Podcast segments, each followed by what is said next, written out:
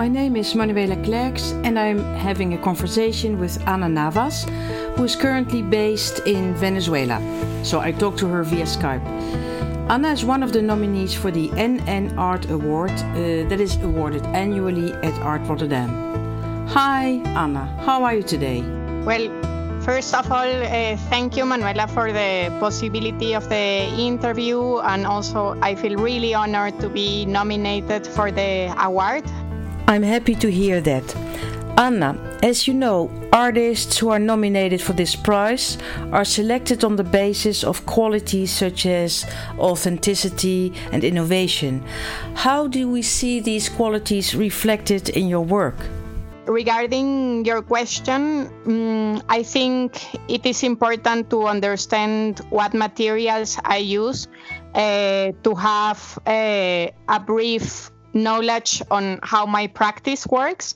I often said one of the main aspects in my work um, is going after the traces of what I call an object's genealogical tree.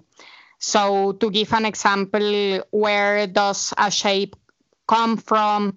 How does it change toward different contexts, like, for example, the relation between art and design? And a lot of this research has to do with how past art movements move towards more domesticized versions of themselves. For yes. example, in the case of modernism, how does it translate into daily objects? How does it influence the notion of taste?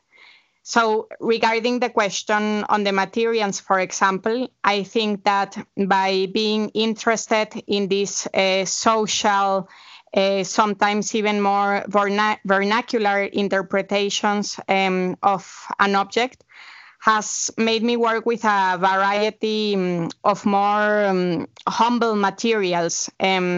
For example, I have worked in the past with fabrics for used in public transport or with papier mache, uh, with children clothes, sometimes even with uh, home appliances. I remember I used for one assemblage of mine an uh, anti-bullet vest or pieces of luggages lately. So I think this is a freedom that contemporary artists uh, are very aware from, of course.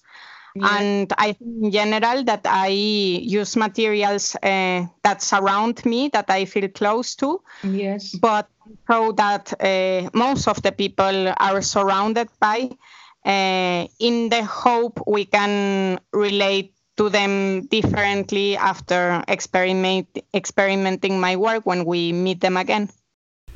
I see that in your work, concepts such as transformation, assimilation, appropriation play a significant role. Um, your presentation often consists of installations in which paintings, objects, assemblage, and video work function as domains. Where does that come from? uh, those processes of transformation and assimilation? Um, yes, of course, that is something that I am, that is a, a preoccupation of mine, but also more, also in an artistic sense sometimes. For example, I always find it very difficult to see an exhibition as a final moment because I believe more in the artist practice as a process. So yeah. it can happen that something that appeared in one presentation as a display in another exhibition can become a main object. So because my subject is a lot on um, transformation and adaptation, I also try to adapt those principles to my practice itself. Ana, you were born in Ecuador uh, you grew up in Venezuela. You studied art in Germany, in Karlsruhe, and you were a resident at the ateliers in Amsterdam. And I think you are still based in Amsterdam. Is that right? And how do you manage to travel between all those different countries and continents? I am based in the Netherlands, but I spend uh, at least quite some time once a year uh, at home in Caracas. Yes, for example, now I am having um, also um, yeah and a research here and i am staying now for almost two months ah. After finishing art school in Karlsruhe, you followed a masterclass with franz ackermann and after you finished that period, you came to Holland to have a residency at the uh, ateliers. Is that right? Yeah. Could you tell us a little bit about your experience at the ateliers? Uh, for instance, compared to your art education in Germany. Of course, it was different, but can you tell us in what sense and how uh, how did it influence your work? Uh, well, as you said, like my arrival to Europe happened through the um, through the Arts Academy from Karlsruhe, especially with my teacher there, who was uh, Franz Ackermann. And then while being in uh, Germany, I heard of the program in Amsterdam, the Ateliers, and this is how I uh, came to live to the Netherlands until now. And well, I think the Ateliers was a very, very important uh, program for me to, to have the opportunity to be fully concentrated on your work for two years and also as a young artist to be guided by uh, more experienced professionals, but also to have uh, the very intense exchange with young colleagues that are in a similar moment of development as yours. Did you feel more free at the ateliers, free to do your own work and to develop your own thoughts, ideas, so that it was less like an art school, more like a training?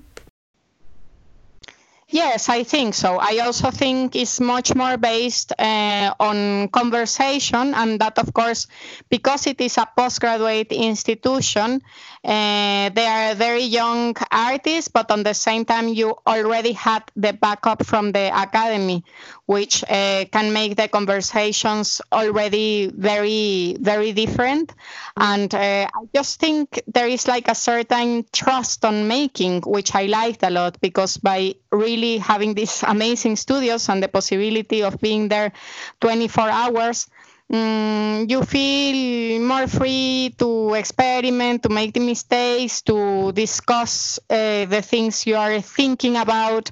Um, so it's not working under the pressure uh, of a show or of a certain result.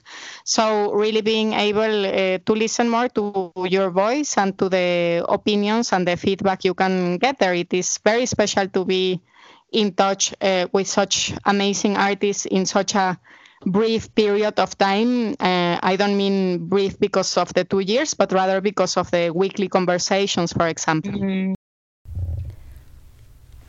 I read that you often work uh, on on different series at the same time, and that the conceptual connection between the works takes shape during the installation. With that idea in mind, and uh, in regards to the idea that an exhibition or a presentation for you is like an essay like moment rather than as a definitive form, um, what, how do you translate this uh, to your presentations in Rotterdam? There, your work will be on display in two different spots at the booth of Tegenboschvanvreden your Amsterdam based gallery, and in the section of the NN group. What can we expect, Ana? Yes, I think it's going to be excited. We have been working on a selection together with my gallery, with whom I work for about five years now, and also uh, with the team of the NN award and i think uh, we will be showing different groups of works that belonged originally to different series. Um, i would say in general probably the most dominant uh, materials are going to be ceramics and textile and I think conceptually, one notion that is going to be very present is the notion of the of the costume or of the pose. Uh, I did a lot of rather performative work in the past, and this is now a way of mine through that series of translating that into um, the sculpture. Uh, just to, to name you an, an example of an object that we will be that we want to show, um, there is a, a costume for a um, for a clothing uh, rack it's just a normal IKEA one, and that then with fabrics uh, is dressed up as a public sculpture. And not necessarily uh, a specific one or one uh, that you can identify the artist easily, but uh, it's rather the general idea of an abstract sculpture like this uh, rusty abstract ones and i think the the painting that i did for that because it's a mixture between painted textile and of course then also like with the volume of the object itself. It looks for me um, like a public sculpture under the the yellowish uh, light at night something very generic when did you start working with ceramics and textiles, and what motivates you to work with these kind of materials and techniques? No, I think my work with ceramics uh, has started maybe for two years, and with textiles even longer. Since, uh, as I mentioned, you I also felt uh, close to, to performance and video performance. In, at that time, I used to uh, dress up myself or friends of mine. So mm-hmm. I've been working with textiles in very different variations uh, now. Where do you normally produce your ceramic works and your textiles? Well, I usually, in both cases, it depends a bit also like on where I am. Like um, I've been also making a lot of um, of residencies lately. Uh, for example, in one of my uh, last ones in Heerlen at Schunck, I work uh, with a person who is specialized in costumes from theater uh, in Tilburg, an amazing lady. And I also got the help uh, in Maastricht from an incredible incredible ceramist. So, of course, um, these are techniques. Uh, I had the opportunity to be learning ceramics also for one year, but sometimes, depending on the context, if I am able to find uh, persons that can help me and have more expertise, then my role is rather uh, to direct them, but to have also professionals that can help me if that is the case. So, I don't have um, something as fixed assistance or but it rather depends on the project if it is something that I feel I can do myself because I really uh, enjoy a lot the quality of the handmade, or if it is a project where I have the feeling getting help uh, is the most wise thing to do. Ana, imagine you will be the winner of the NN Art Award and you receive a check worth 10,000 euro. Have you thought about what you are going to do with it? Uh, well, keep on working. of course, yeah. it would be an amazing support, and I think it would help me a lot to develop some thoughts that I have conceptually already. For example, in this series of objects, um, of costumes for objects I was describing you before, this is a series that I would be excited that it keeps growing. It is, for example, a plan of mine to when I develop a bigger group of them. Yeah. And I am also taking uh, the very first steps on a research on uh, materials that imitate another material and their history. Mm-hmm. For example, about covering materials as laminate. Um, this because I I wanted to share with you some of the thoughts and ideas I have in my head now but also in the sense of uh, presentations. The award would help me to be able to produce new works for upcoming exhibitions. Uh, one of them which I am very excited about, is going to take place by the end of the year at uh, the Space Nest in The Hague. Mm-hmm. And that is a project I will do with uh, two great artists, uh, Mila Landfermeyer and Evelyn Taocheng Wang. These are two colleagues that I met at the ateliers, and we have been having long conversations now on how our works overlap, studio visits, readings together. And we are very happy that um, the curator of Nest, Heske Tenkate, gave us the possibility now to translate those conversations into a physical experience of the three of us. So yes, to have the support for all those plans would be, of course, uh, amazing and an honor for me. Thank you so much for this conversation, Ana.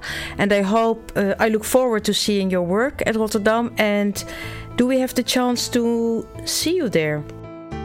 Yes, we can. We will meet us hopefully.